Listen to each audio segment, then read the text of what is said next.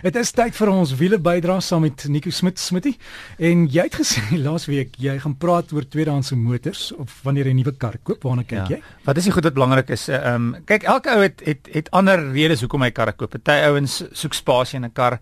Eh, vir baie mense gaan dit oor ehm um, die betroubaarheid van die voertuig of die veiligheid. Party ouens gooi perrier in hulle karre, jy weet vir hulle karre is net nie die beste water, nie kraanwater is goed genoeg nie. Jy weet van wie ek praat. Ja, ja, ja, dankie, dankie. En en ook as jy as jy drie kinders het, gaan 'n cabrio met twee sitplekke in die werk. Ja, jy gaan jy gaan ergens moeilikheid kry. Dit dit is nie prakties nie. So as jy 'n kar wil koop, daar's ehm um, dis nie noodwendig in my kop so maklik om net in te gaan in 'n kar te koop nie. Jy kan dit doen, maar daar's baie goeder dink ek wat jy moet oorweeg. So vir nuwe voertuie is die een van die basiese goeder is die kar maklik om te diens. So as jy ergens in die Vrystaat in 'n klein dorpie bly, dit help nie noodwendig jy koop 'n Franse kar en daar's nie ergens om jou Franse kar te, te diens nie. So dis altyd die, een van die eerste oorwegings is dit maklik om te diens.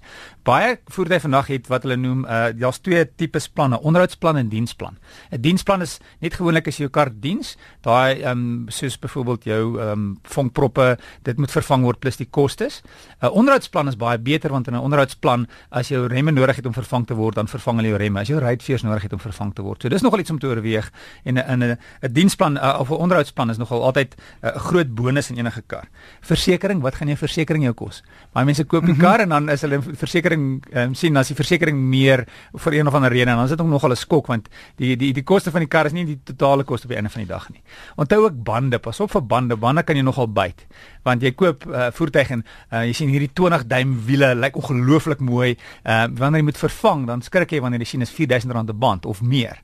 So pas op vir bande want bande lyk baie maal mooi op 'n voertuig veral groot um, wielvellings, maar die koste om die bande te vervang kan in die in die lang duur nogal nog hulle skok weer. En, ek weet baie keer ook as jy as 'n kar verkoop vir 'n tweedehandse mark, hulle betaal jou nie vir jou ekstras nie. Ja, dit dis die ding, dis nogal interessant ook. Um, ek ek kan ek kan ek is in die motorbedryf en ek kan nog nooit verstaan het dat hulle sê hoorie so, maar hierdie was vir jou gebruik nie. So as jy 'n voertuig verkoop en jy het baie ekstras, gaan jy nie regtig iets kry vir daai ekstras nie. Volgens die motorbedryf, jy het dit klaar gebruik en jy het klaar die voordeel gehad en hulle het dan die voordeel om die kar weer te verkoop met al daai wonderlike ekstras. So onthou die ekstras ook, um, want dit is presies belangrik en dan ook natuurlik dis die herverkoopwaarde van die voertuig. Dis nogal vir my iets wat ek baie na kyk. As ek 'n kar koop, as ek hom moet verkoop in 3 jaar, ehm um, of 4 jaar of 5 jaar, gaan iemand hom wil hê. Ehm um, want die dis baie maal 'n nadeel as jy ry in en jy wil 'n nuwe kar koop en hulle sê hoorie maar hierdie kar is nie baie populêr nie, so jy kry baie minder. So karre wat baie maal populêr is, ehm um, kry baie goeie inruilwaardes, met ander woorde het baie meer geld vir 'n vir 'n nuwe deposito. Wat altyd vir my ook 'n baie goeie idee is is, is wat hulle noem demo voertuie. En baie vervaardigers onder druk om om baie getal baie karre te verkoop. En baie maal sê moet hulle sê luister ons het 10 karre verkoop en eintlik net 5 verkoop. So 5 van daai karre wat splinternuwe karre is, gaan dan na 'n tweedehandse vloer toe en hulle hulle word dan demo karre. Die karre het baie min kilos op, 10000 of nie eers. Nee, eers baie maal van hulle sal 2000 kilos op hê of minder en dan wat gebeur is daar daar daai die waarheid al klaar dan met 'n groot gedeelte geval omdat hulle nou demo voertuie is. So al het hulle 10 of 15000 kg op, is 'n demo voertuig altyd vir my uh iets om om te oorweeg omdat die karre min kilos op het. Daar's nog baie kilos oor en die kar het nie regtig hard gewerk nie, maar jy betaal nie daai daai volle prys van 'n nuwe kar nie want jy moet maar onthou as jy met 'n nuwe kar uitry by 'n 'n vervaardiger, dan val die waarde onmiddellik. Ehm um, sodra dit so, so, want 'n nuwe kar, daar's altyd daai ekstra by want jy betaal maar om om die eerste persoon te wees om met hom te ry. Uh baie mense wil dit hê. So dit hang nou maar af weer eens van wat jy wil hê. Ja. Tweedehandse karre is is is heeltemal ander storie. Tweedehandse karre vir my die grootste ding is het die, die, die voertuig 'n diensrekord. Wie was die vorige eienaar want as as hy nie al die voertuig nie al sy dienste gehad het nie, ry hy hom nou en miskien oor 10000 km het jy probleme en, en dan kan dit nogal duur wees. So vir my die eerste ding as ek 'n kar koop, 'n tweedehandse kar is diensrekord. Ehm um, die vervaardigers is baie goed. Vandag is dit elektronies. Vroeger was dit 'n boekie en ehm um, en hulle moet 'n stempel en, en iemand kan teken, maar iemand kan 'n bietjie die datum anders skryf. Dis nie meeste van hulle vandag is elektronies. So jy kan nie meer uitkom uit uit wat die wat die diensrekord. So diensrekord is vir my nogal belangrik.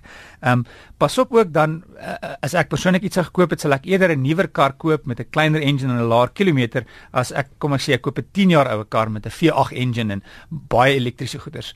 Die die, die jy het meer status met so 'n kar natuurlik, maar as goeders moet vervang word, moet jy altyd onthou dat 'n V8 is dieder om te dien as iets elektries breek, is dit is dit is dit baie meer geld.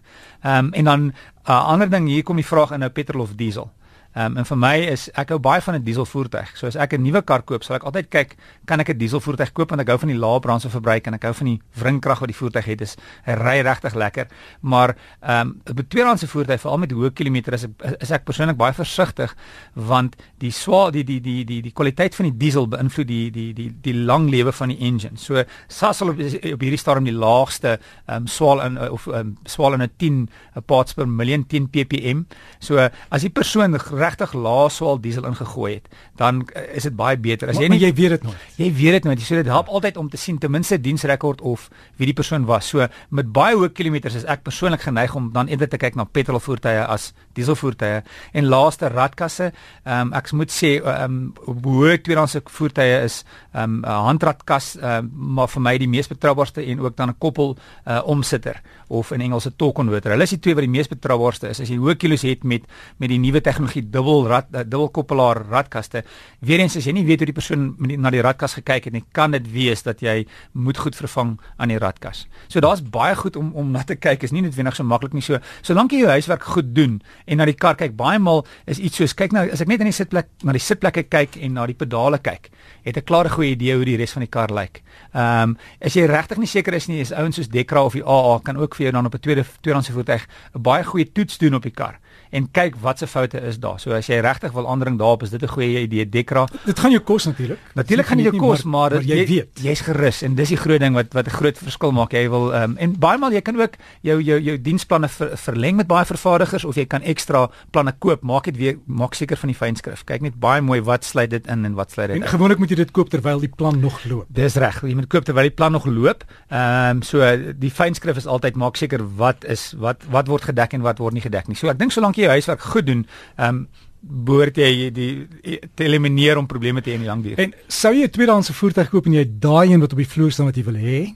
Ek vind dat die ouens is baie onderhandelbaar.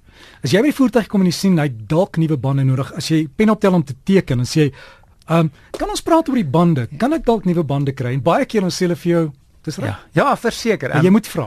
Jy moet vra, moenie ehm um, ek dink jy moet altyd onderhandel. Ons is uh, jy as jy 'n kar koop, die die prys wat jy sien is altyd onderhandelbaar so. ek sien daar's nou 'n paar vingers wat hoe kan julle van die mense dit sê? Ja, dis die realiteit. As jy moet onderhandel ehm um, en natuurlik gaan hulle onderhandel. Ek dink almal wil in die einde van die situasie wen. So ehm um, onderhandel, verseker.